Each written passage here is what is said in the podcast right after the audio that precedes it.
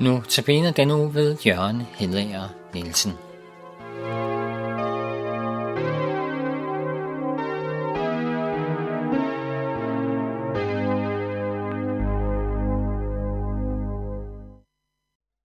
Allerede mens apostlen Peter levede, var der mennesker, som hånede de kristne og sagde, hvad bliver det af løfterne om hans komme?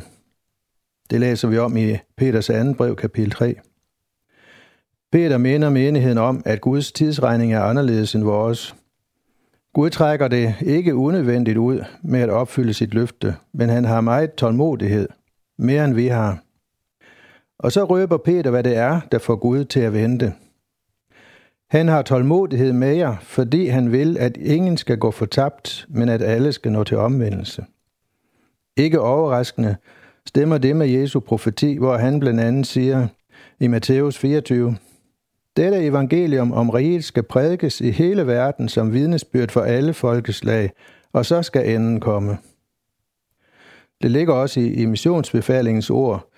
Gå derfor hen og gør alle folkeslagene til mine disciple, og se jer med jer alle dage ind til verdens ende. Peter siger faktisk, at vi kan fremskynde Guds dags komme. Han siger ikke hvordan, men i sammenhængen er det ikke svært at regne ud. Det handler om mission.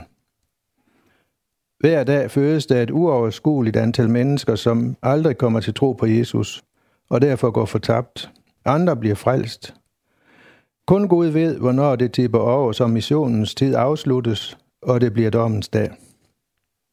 I Grundtvigs fantastiske salme, Rejs op dit hoved, al kristenhed, er han også inde på dette, når han i vers 6 skriver, men skønt du længes, o kristenhed, så glem dog ikke, at godt du ved, hvad Herren tøver efter, og bed ham aldrig, før timen kom, til jordens gro og alverdens dom, at røre himlens kræfter. Gud længes efter Jesu genkomst. Der afsluttes al pine og trængsel. Der er ikke noget, han heller vil, end at gøre alt nyt og godt. Men når han renser sit skaberværk, sker det til jordens gro og alverdens dom, som Grundtvig skrev. Apostlen Peter peger på, at Gud engang rensede sit skaberværk ved vand med syndfloden.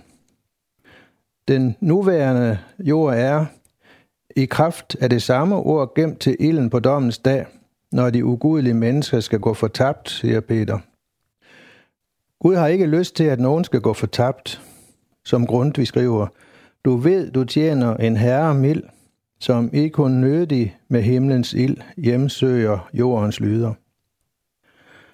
Lad os bede om at blive lukket ind i Guds kærlighed, så vi ser vores medmennesker med hans øjne. Gud har kaldt os til at være hans medarbejdere på menneskers frelse. Frelsen er fuldbragt. Gud har forligt os med sig selv, og vi kan ikke føje noget til. Men Gud har brug for os til noget andet, som Paulus skriver til korinterne. Gud forligte os med sig selv ved Kristus og gav os forligelsens tjeneste.